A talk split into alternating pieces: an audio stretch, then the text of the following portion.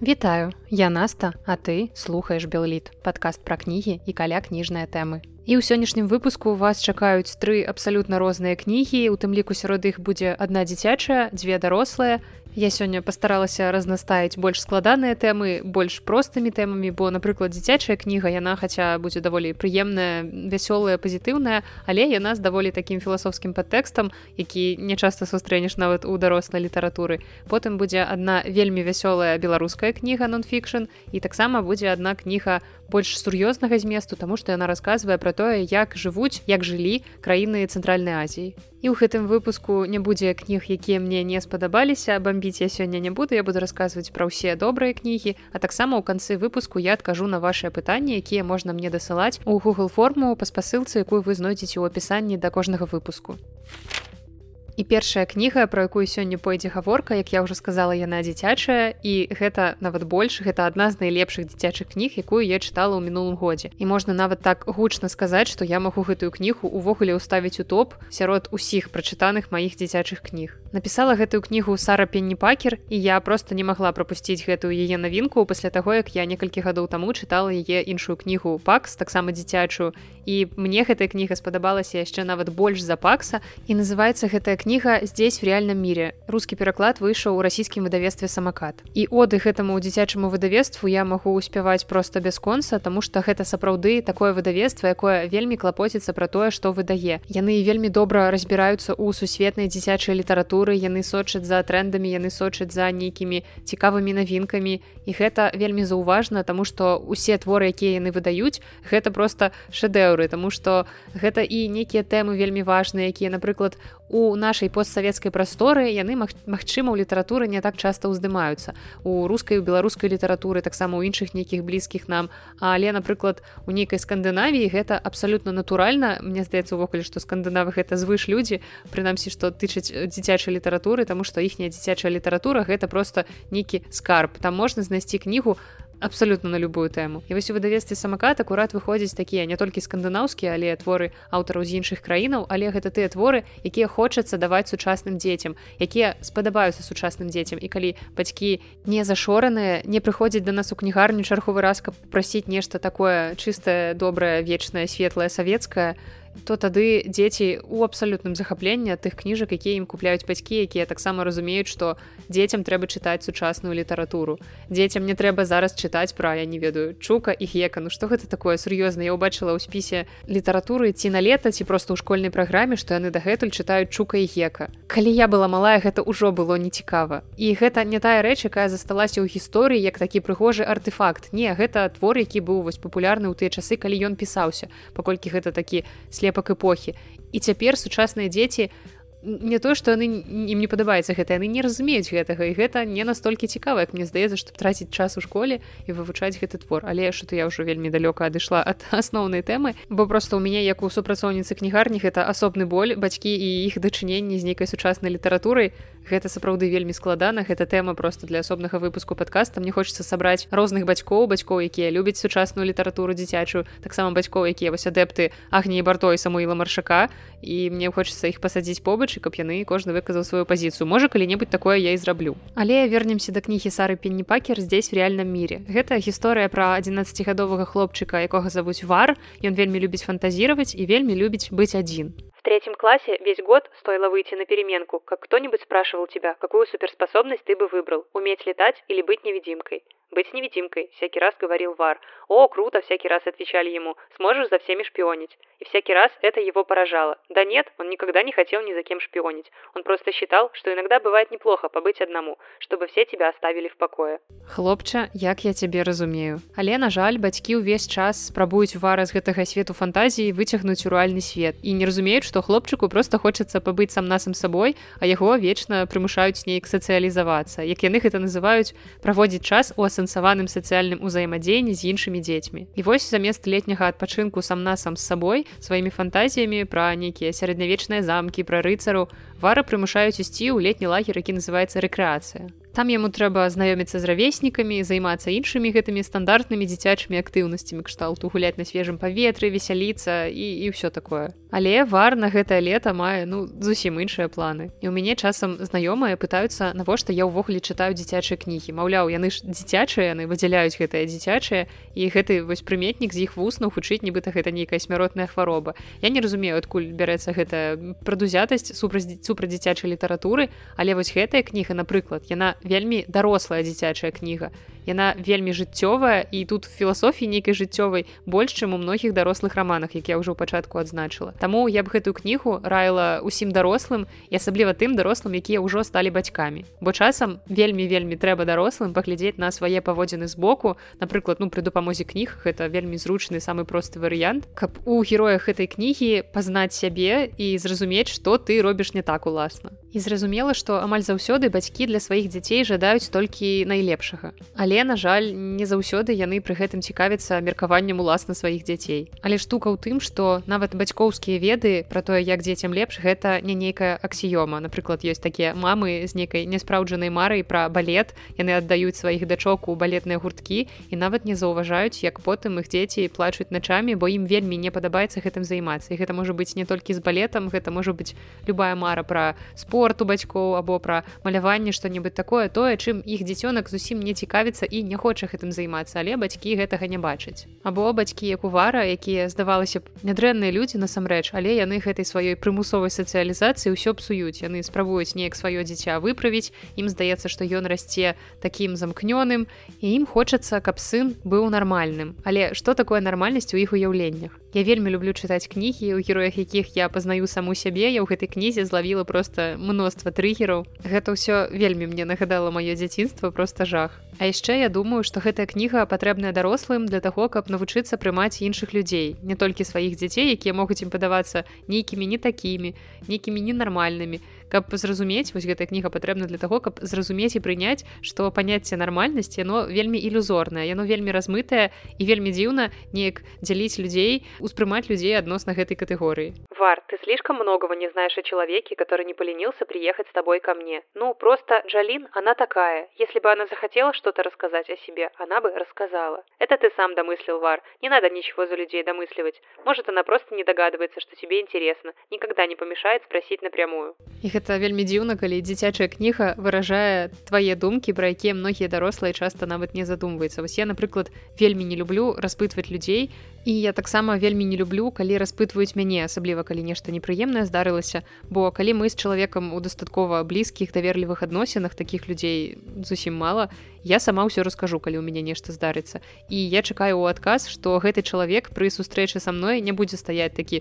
загадкавы увесь нейкім такім далёкім поглядам выціраючы гэтую самотную слязінку у куточку вока пакуль я не пачну яго дапытваць што ў яго здарылася. Я чакаю што ён сам мне раскажа. Але вось насамрэч не заўсёды людзі гатовыя дзяліцца чымсьці бо яны баяцца што будуць навязлівыя што яны не заўсёды вам цікава то слухаць які ў іх праблемы.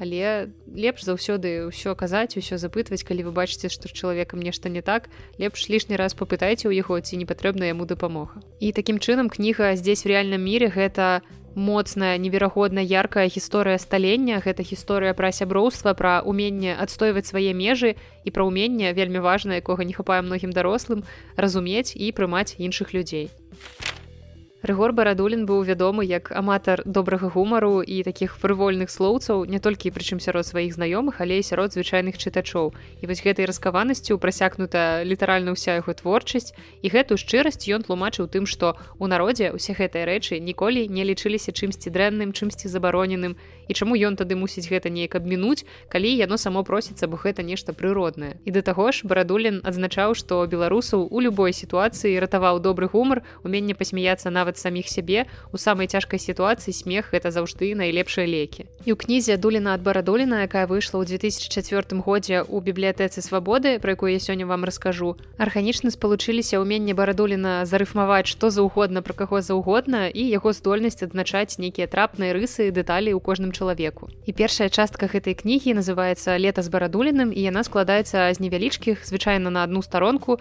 тэкстаў пра розных вядомых асоб гэта і беларускія і замежныя літаратары усе людзі якіх ведаў прынцыпе барадулін з якімі камунікаваў ён часта выязджаў за межы саюзу і таму ён ведаў розных літаратараў балгарскіх літоўскіх латыскіх і іншых таксама там ёсць тэксты пра музыкаў і нават пра некаторых палітыкаў там ёсць сярод асобаў такія людзі як зянон пазняк напрыклад. І да кожнага тэксту пра пэўнага чалавека далучана жартоўная эпіграма. І калі вы ўжо многае чыталі з творчасці барадуліна то вы можете ведаць і разумець што барадуліну насамрэч у літаратуры дазвалялася многае. І зараз мы маем магчымасць гэта чытаць захапляцца рагатаць чырванець бо часцей людзей зразумела цікавіць не аднолькавыя нейкія хвалебныя оды вось напрыклад як тут у гэтай першай частцы ён не проста добра адгукаецца неяк пра людзей якіх ведаў. Ён таксама дадае такі налёт пэўнага скандалу няхай даволі лагоднага і гэта чытаць даволі прыемна гэта не ўспрымаецца як нешта што чалавек вырашыў просто абразіць кагосьці выказаць усё што ён пра яго думае. Не гэта насамрэч такая мілая прыемная усмешка ўсплывае на твары калі ты гэта чытаеш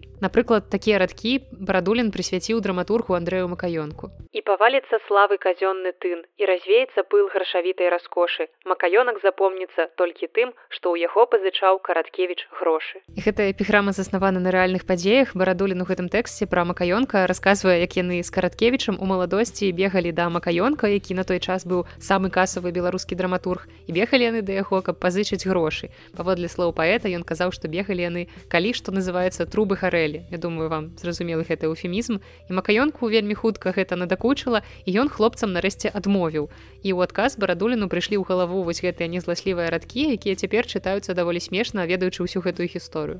Але ёсць нешта больш бяскрыўднае ў гэтай кнізе. Напрыклад вельмі добра прайшоўся паэт па асобе кандрата крапівы. Быў камуністам з галавы да ног і сталіністам з ног да галавы. І на расійскі лад як толькі мог гнуў мову засукаўшы рукавы крывіцкі дух трымаўся ледь жывы у слоўніку кандрата крапівы.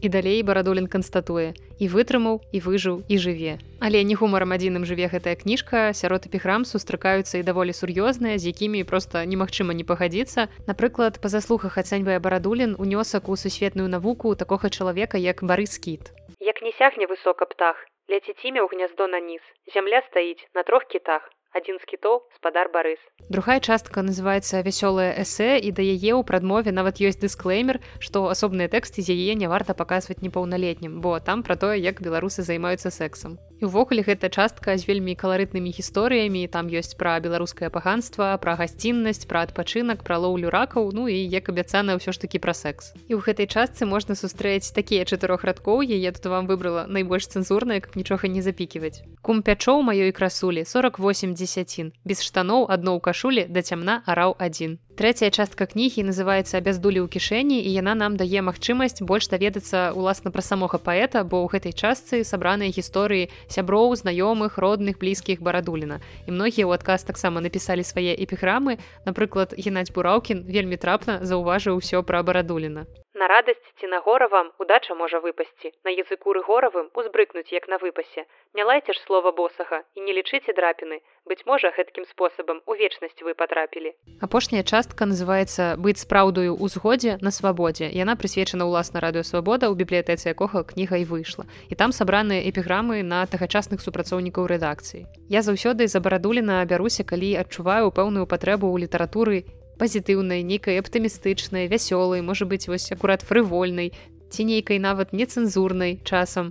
І магчыма у кагосьці з вас цяпер акурат такія часы калі хочацца чытаць нешта больш пазітыўнае вясёлае смешнае то акурат вас запрашаю пачытаць гэтую кнігу. Дуліна ад барадуліна рэгор барадулін. А таксама ў апісанні да гэтага выпуску будзе спасылка дзе гэтыя ўсе дуліны можна паслухаць у выкананні самога дзядзькі рэгора таму што гэта быў цыкл матэрыялаў для радыёвабода і там на хвалях радыё акурат усё гэта гучала. Так што завітвайце ў апісанні да выпуску там усё можна паслухаць мяне заўсёды здзіўляла чаму і як людзей з нейкіх паспяховых багатых краін цягне на прыгоды ў краінах трэцяга свету. Магчыма гэты спакой нармальнасць іхняга добрага жыцця яны неяк стамляюць і вось ім хочацца даведацца а як тамака ў іх. І менавіта да краінаў так званага трэцяга свету адносяць большасць азіяцкіх краін хіба што вось Казахстан ён трохі змог вырвацца крыху наперад але там зараз хапае сваіх іншых праблемаў.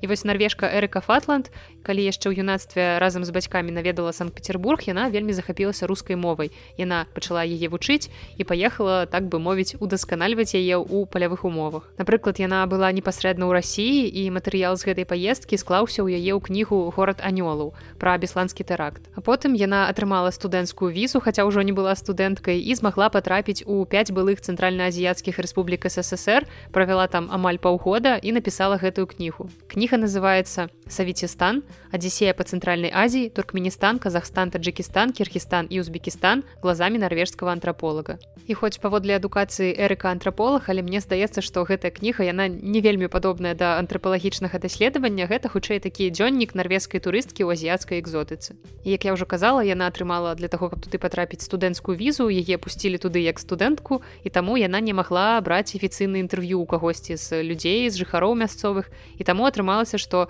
з мясцовымі размаўляць ёй давялося толькі урыўкамі. Напрыклад яна нешта выпытвала у кіроўцаў якія яе вазелі з месца на месца таму што часам у многіх краінах ёй папросту не дазвалялася перасоўвацца самастойна. Або яна магла паразмаўляць жанчыны у якой спынялася на начлег. І цікава што многія суразмоўцаў дзяўчыны ў розных краінах нават у асабістай размове калі яны былі упэўненыя што іх ніхто не падслухоўвае яны ўсё роўна гаварылі пра сваіх кіраўнікоў пра свае рэжымы такімі завучанымі фразамі Я думаю што часам проста нават самому сабе вельмі складана шмат у чым прызнацца а тым больш сказаць пра гэта ў голас замежніку. Але ўсё ж такі сярод суразмоўцаў эрыкі былі і тыя людзі якія былі гатовыя размаўляць шчыра. Дарэчы гэтую кнігу вельмі цяжка чытаць калі ты беларус таму што у для беларусаў у гэтай кнізе вельмі шмат трыгераў як быццам ты чытаеш кнігу зусім не пра цэнтральна-азіяцкія краіны когда в одной из центральноазиатских республик человек впервые переезжает жить в президентский дворец нет никакой гарантии, что выехать оттуда он сможет по своей воле. Або вось такое назиранне. Можно предположить, что количество экстравагантных зданий и мраморных фасадов обратно пропорционально демократическому развитию той или иной страны. Дарэчы, у кнізе Эрыка якраз адказвае на маё пытанне, навошта яна ўвогуле туды папёрлася. Зачем нужны путешествия? Зачем люди погружаются во весь этот дискомфорт, который неизменно сопутствует переездам на большое расстояние и посещению дальних чужих стран? Моя теория заключается в том, что мы постоянно ищем новые дороги только потому, что внутри нас поселяется фальшивая память. Вернувшись домой, мы трансформируем весь пережитый дискомфорт в праздничные анекдоты или вообще о нем забываем. Память – это отнюдь не прямая линия, она больше похожа на диаграмму, которая состоит из точек, основных моментов, а над ними – пустота. Кроме этого, память еще и абстрактна. При взгляде из будущего оттенки прошлого выглядят практически нереально, словно сон. Таму я думаю, што для эрыкі гэта ўсё было хутчэй як нейкая такая захапляльная прыгода.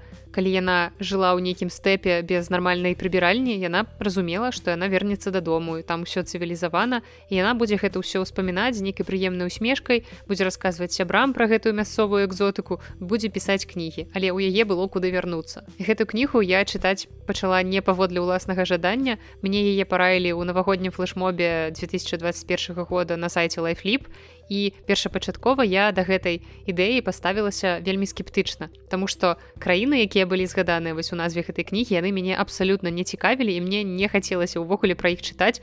528 сторонак у гэтай кнізе мне зусім не хацелася туды пагружацца. Але здарылася так што я ўцягнулася з першых сторонак бо эрка сапраўды піша не сухое антрапалагічнае даследаванне. Гэта вельмі займальны дзённік гэта экскурсы ў гісторыю галасы людзей гэта вельмі жывая кніга. І раней амаль усе гэтыя краіны ў мяне ў галаве блыталіся і я вам не асабліва магла прасказаць чым туркменістан адрозніваецца ад узбекістана акрамя таго што у туркменістане нарадзілася моя бабуля. І ўсе гэтыя краіны ў мяне асацыяваліся выключна з іх не самымі дэмакратычнымі кіраўнікамі але пасля гэтай кнігі ў мяне ў галаве нібыта ўсё устаканілася і я ўжо магу крыху больш расказаць пра гэтыя краіны. Аўтарка караценька расказвае гісторыю кожнай краіны пра іх савецкае мінулае расказвае пра незалежную сучаснасць і яна вельмі часта спынялася каб расказаць пра прывіды ссср якія ўсё все яшчэ лунаюць у гэтых краінах. Напрыклад любоў да дыктатару з маніяй велічы. І у кнізе опісваюцца многія страшныя падрабязнасці якія вельмі традыцыйныя для гэтых краін лічацца там нармальнымі напрыклад вось гэта дзікі абрад выкрадання невесты ў кыргызстане калі ты можаш просто аднойчы выйсці з дому бацькоў пра просто кудысьці пайсці гуляць па сваіх справах на працу і больш ты туды ніколі не вернешся свабоднай дзяўчыны таму што цябе просто могуць скрасці. І таксама адзіны размоўнік туркменскай мовы які эрыка фатланд знайшла ён утрымліваў вельмі дзіўныя карысныя фразы. Напрыклад там былі такія фразы як не страляйце або дзе знаходзіцца найбліжэйшая міжнародная мяжа і там трошки раней я вам казала пра незалежнасць пра незалежны цяперашні апошні час гэтых краінаў але хіба вось гэта ўсё можна назваць незалежнасцю? Вось далей будзе цытата Из 8 миллионов населения Таджикистана приблизительно 8 миллионов в какой-то период жизни проводят в России на заработках. Высылаемые ими домой деньги составляют половину волового внутреннего продукта Таджикистана. Ни одна другая страна в мире не зависит в такой степени от зарплаты рабочих мигрантов, как Таджикистан. Але дзеля справядлівасці трэба адзначыць, што Фатланд заўважае не толькі негатыўныя моманты, напрыклад, яна вельмі адзначае гасціннасць людзей, якія жывуць у цэнтральнай Азіі. І няхай яны жывуць даволі бедна, небагата, яны ўсё роўна заўсёды рады гасцям, яны падзеляцца з імі апошнім. І таксама там прыгожая прырода гістарычныя помнікі ўсё гэта фатланд адзначаю сваю кнізе. Таму калі вашыя веды пра азію абмяжоўваюцца праглядам фільма борат а вам хацелася б ведаць все ж таки трошки больш то на першым этапе гэта кніга можа вам як і мне дапамагчы. Ну і каб вас зацікавіць кнігай я прывяду яшчэ некалькі цікавых цытат з яе. Одна из причин расшатывания режима Северной Корее, например, тот факт, что государство не в состоянии обеспечить население товарами первой необходимости – Ложась каждую ночь спать голодным, трудно поверить, что ты живешь в лучшей стране мира. А поскольку все туркмены имеют доступ к бесплатным товарам, таким как газ, соль и отчасти бензин, то даже у самых бедных из них создается ощущение того, что государство о них заботится. Но самое главное заключается в том, что здесь никто не ложится спать голодным. Вось такі вам цікавы факт про Туркменістан, што ў іх жыхары не плацяць за газ, за соль, часткова за бензін. Гэта уражвае, але ці вартае оно таго? Ну я ўжо пачынала вам казаць пра туркменскі размоўнік і вось зараз працягну працытую вам цалкам гісторыю пра гэты туркменскі размоўнік які эрыка там знайшла Что же касается туркменского, то единственное, что я нашла – скромную брошюрку, наполовину словарь и наполовину руководство по выживанию в стране. Во второй ее части отыскалось немало полезных фраз, таких как «Вы женаты? Нет, я холост». «Я не понимаю. Пожалуйста, говорите медленнее». Шаг за шагом автор знакомил читателя с ситуациями и проблемами, которые могли у последнего возникнуть во время поездки в данную страну. На сколько часов задерживается самолет? Лифт работает? Пожалуйста, замедлите скорость. Раздел, посвященный гостиницам, также давал немало поводов для беспокойства. Туалет не работает, нет воды, нет электричества, нет бензина, окно не открывается, не закрывается, кондиционер не работает. От этих общих, но довольно безобидных вопросов автор переходил к описанию целого ряда возможных кризисных ситуаций. «Это не я» или «Я не знал, что так делать нельзя». Все это завершала короткая, но важная глава под названием «Контрольно-пропускные пункты». Выучив наизусть фразы «не стреляйте» и «где находится ближайшая международная граница», я отложила книгу. І судзячы па тым, якія я цытаты ў асноўным выдзяляла, мяне больш за ўсё ўразіў запісанне ў акурат Туркменістан. І вось наступнае вельмі цікавае апісанне таго, як жыць, калі вялікі брат заўсёды глядзіць на цябе. Изображения обоих президентов в Туркменистане можно встретить повсюду. Во всех туркменских городах по-прежнему возвышаются позолоченные статуи Туркменбаши, который стал президентом страны после распада Советского Союза и правил страной вплоть до своей смерти в 2006 году.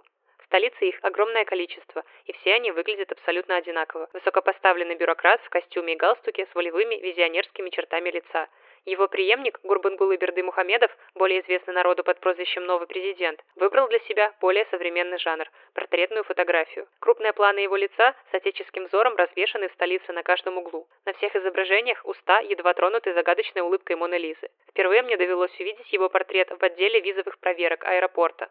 Следующий – при въезде в город. И, наконец, еще один над стойкой регистрации в гостинице, где ему была выделена целая стена. В Туркменистане у вас никогда не получится побыть в одиночестве, даже если вы окажетесь на пустынной улице. Вас видит президент. І я разумею, што гэта ўсё гучыць як абсалютны сюр, але чым больш ты чытаеш кнігу, тым больш ты разумееш, што ў прынцыпе як бы і, і мы недалёка адтуль сышлі. І дарэчы, у адной са сваіх вандровак эрыка аб'ехала краіны, якія мяжуюць з рассіі, атрымліваецца па коле праехала вакол рассіі. У тым ліку была ў Беларусі і таксама напісала пра гэта кнігу. І некалькі гадоў таму яна выходзіла ў рускім перакладзе граніца рассія глазамі соседзей і там ёсць інтэрв'ю са Светлана Алексеевич так што я думаю гэтую кніжку таксама варта прачытаць.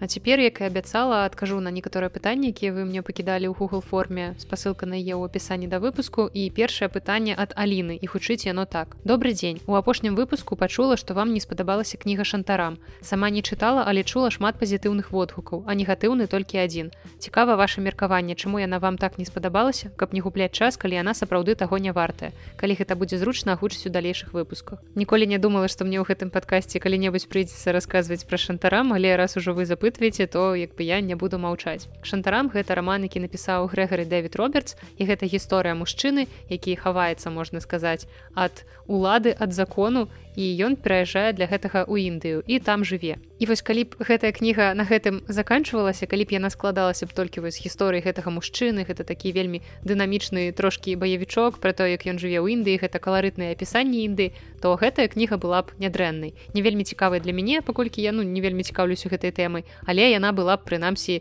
прымальнай. а але склалася так что вось у вас няма сярод знаёмых людзей якія дрэнна выказаліся про гэтую кнігу а у мяне наадварот. У мяне няма знаёмых якія любяць гэтую кнігу. І все мае знаёмых хто яе чытаў яны вельмі негатыўна да яе ставяцца. І вось калі б гэта была чыста сюжэтная такая звычайная кніга гэта было б добра. Але ў гэтай кнізе аўтар вырашыў што ёй не хапае філасофіі не хапае нейкіх жыццёвых думак і зрабіў гэтыя думкі ў творы максімальна банальнымі. Я тут паўтаруся што у густ увогуле ў людзей вельмі розны. І я магу казаць толькі за сябе для мяне гэтая кніга была вельмі банальнай вельмі клішыраванай і даволі пустой. Бо усе гэтыя ісціны якія там што спасцігаў героі і вось праз вусны гэтага героя аўтар выказваў там нейкія свае думкі ўсё гэта для мяне было максімальна банальным. І калі ты ўжо валодаеш там пэўным багажом ведаў нейкіх па філасофіі па чым заўгодна калі ты чытаў шмат кніг і не толькі мастацкіх але нейкіх навуковых навукова-папулярных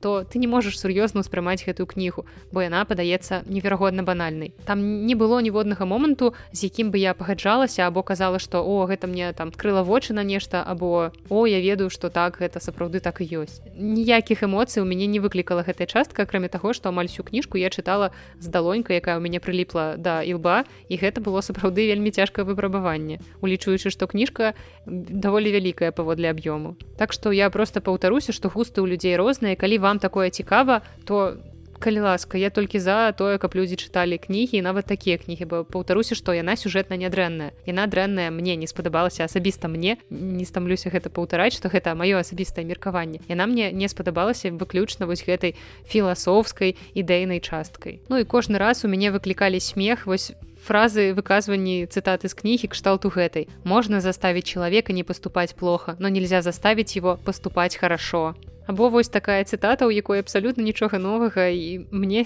я перачытваю зараз гэта мне смешна. Чалавек который никуда не спешит никуда не попадает і часам аўтар кідаецца ў нейкую эзотэрыку і тады гэта становіцца яшчэ цяжэй чытаць вось напрыклад цытата істина в том что нет хороших или плохих людей добро и зло не в людях а в их поступках люди остаются просто людьми а с добром или злом их связывает то что они делают или отказываются делать истина в том что в одном мгновении настоящей любви в сердце любого человека и благороднейшего из всех и самого пропащего заключена как в чашечке лотоса вся жизнь весь ее смысл содержание и назначение истина в том что все мы каждый из нас каждый атом, каждая галактика и каждая частица материи во Вселенной движемся к Богу. Гэта максімальна пафасна, але гэта для мяне не значыць абсалютна нічога. Ну і апошняе для вас. Любовь, как і уважение, это не то, что ты получаешь, а то, что ты отдаешь. І здавалася б, што ўсе гэтыя цытаты яны не пазбаўленыя сэнсу, але калі ты на іх глядзіш то чамусьці у мяне нічога акрамя смеху яны не выклікаюць. Можа быть я такі жорсткі чэрствы цынічны чалавек якога нічым не здзівіць але вам магло падавацца што я смяюся я насамрэч смяюся. І вам не падаецца вось карацей все я не хочу больш расказваць про гэтую кніжку так что калі вам такое падабаецца я не магу вас асуджаць я чалавек вельмі адкрыты я толькі за я сама люблю часам пачытаць нейкую ерунду але вось прынамсі гэтая ерунда. Мне ну не зайшла Другое пытанне нам прыйшло самога туманнага альбіёну ад бенедыкта камбербэтча. Я не жартую чалавек сапраўды падпісаўся так і пытанне гучыць так 57 выпуск подкаста просто цудоўны выдатны фармат з устаўкамі ад пісьменнікаў і перакладчыкаў Дякуй насамрэч усе выпускі добрыя не падумайце чаго але такі фармат увогуле топавы наконт таго што цікава чуць вось прэзентацыі новых кніг ад пісьменнікаў выдаўцоў ці перакладчыкаў. Гэта па ўзроўню ўжо не падкаст а радыо белвід таксама можна рабіць такія размовы з чальцамі журы прэміі гідройца напрыклад пасля ўручэння. Яшчэ раз дзякуй за падкаст жыве беллід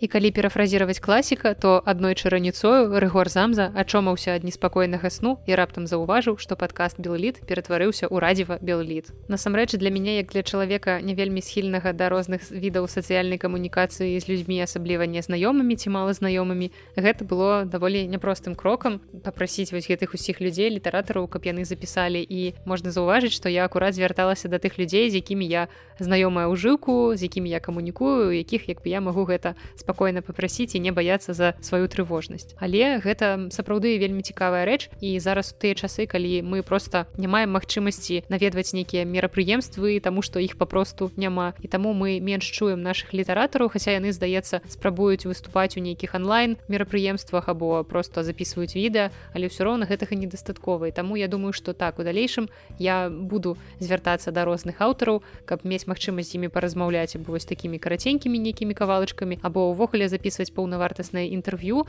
і тут вам я зраблю невялічкі спойлер что у мяне ўжо ў планах ёсць размова з адным літаратарам дакладней з адной літаратаркай я пакуль не буду вам раскрываць усе карты і казаць хто гэта але гэта будзе паўнавартасны выпуск не тое каб інтэрв'ю але прынамсі такая размова. Я спадзяюся што цікавая. Так што ператварацца ў радзіва мы не будзем але запрашаць гасцей праводзіць прэзентацыі кніжак гэта ўсё ў планах ёсць. Праўда тут усё не залежыць ад мяне ўсё залежыць ад штукі якая называется кавід але будзем змагацца і будзем рабіць все што у наших магчымасцях і дзякую вам за тое што вы слухаеце. І апошняе на сёння пытанне задае Андрей дзетлікович ці апраўдаліся ўсе вашыя чаканні 17гадовыя дзяўчыны ад філалагічнага факультэту цяпер калі вы займаецеся тым чым займаецеся? Тарашкевіца менавіта класычны ці цяперашні правапіс?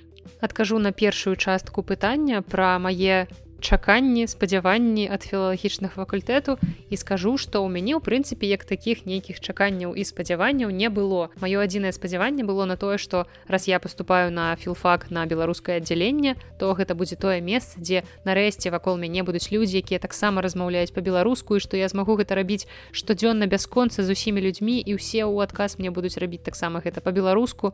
І гэта быў мабыць самае жорсткае маё расчараванне калі я прыйшла на першае нейкі у нас тады збор. Я не памятаю нам трэба было октавай зале сабрацца вось самы першы дзень яшчэ заняткаў не было. Мы толькі тады павінны былі убачыць сваіх аднагрупнікаў. І калі я падышла да людзей якія вось мусілі быць маімі будучымі аднагрупнікамі і пачала размаўляць з імі па-беларуску я нешта спытала про тое дзе мы збіраемся ці там дзе, нешта можна паглядзець. І адзін з хлопчыкаў ён мне адказаў А ты заўсёды па-беларуску гаворыш. І гэта было, мабыць, апусціла мяне з нябёсаў на зямлю і больш я нічога ад філфака пасля гэтай сітуацыі не чакала. Не магу сказаць, што ў мяне былі нейкія расчараванні, таму што ў мяне не было і захапленняў. Я нічога не чакала і таму ні ў чым не расчаравалася. У мяне былі цудоўныя выкладчыкі. Я з любоўю вялікай успамінаю ўсіх гэтых людзей. Мне заўсёды шанцавала з навуковымі кіраўнікамі. Калі я пісала курсавыя работы, у мяне заўсёды былі цудоўныя выкладчыцы, якія падтрымлівалі, якія на мяне ў прынцыпе шмат у чым паўплывалі. Але не магу сказаць, што я вось цяперашняя я, якая ёсць у сваёй гэтай прафесійнай сферы, як бы я ж працую па спецыяльнасці, што я выйшла з філфака. Не, я просто вучылася на філфаку, гэта быў пэўны перыяд майго жыцця, 5 гадоў бакалаўрыяту, год магістратуры, тры гады аспірантуры і ўсё. І мне здаецца, што я ўсё ж такі па-за філфакам ва ўсёй сваёй дзейнасці і тое, што я раблю, можа быць гэта насуперак філфаку, нават ну, не вядом ж жартую, але не магу сказаць, што ёсць нейкі ўплыў філфака у тым, кім я ёсць цяпер можа быть я яго не заўважаю можа быть ёсць нейкі ўскосны ўплыў але наўпроставага я на жаль не бачу. Хаця пры гэтым я вельмі люблю месца свайго навучання і у мяне выключана цёплыя ўспаміны з філфакам звязаныя. Ну а калі адказваць на другое пытанне наркамаўка ці таражкевіца то тут маё сэрца цалкам і непадзельна належыць таражкевіцы але з пэўных прычынаў я ёй перастала карыстацца ў рэальным жыцці. Раней я заўсёды вяла свае сацыяльныя сеткі на таражкевіцы але цяпер даводзіцца рабіць гэта наркамаўкай паколькі гэта вельмі моцна ўплывае на маю працу. Бо я працую рэдактарам і карэктарам і тэксты якія я рэдагую або раблю карэктуру гэта пераважна тэксты напісаныя афіцыйным правапісам. Так што каб у маёй галаве не адбылося разладу каб не было нейкага дысацыятыўнага расстройства ідэнтычнасці каб адна наста карысталася таражкевіцы другая наркамаўка. Я вырашыла гэта ўсё у сваім жыцці крышку уніфікаваць але таражкевіцу я бязмежна люблю і пры любой магчымасці толькі за таражкевіцу мне заўсёды пэўная праблема ўзнікае з тым як скончыць выпуск подкаста таму сёння я не буду асабліва нічога прыдумваць. Я чую што ў мяне за акном вельмі гучна пішчыць сабака я не магу назваць гэта іншым гукам можа быть вам нават чуваць. І на такой яркай не піскалявай ноце. Я заканчиваю сённяшні выпуск. Дзякую вам за ўвагу на сёння гэта ўсё. З вами была наста і падкаст белліт да сустрэчы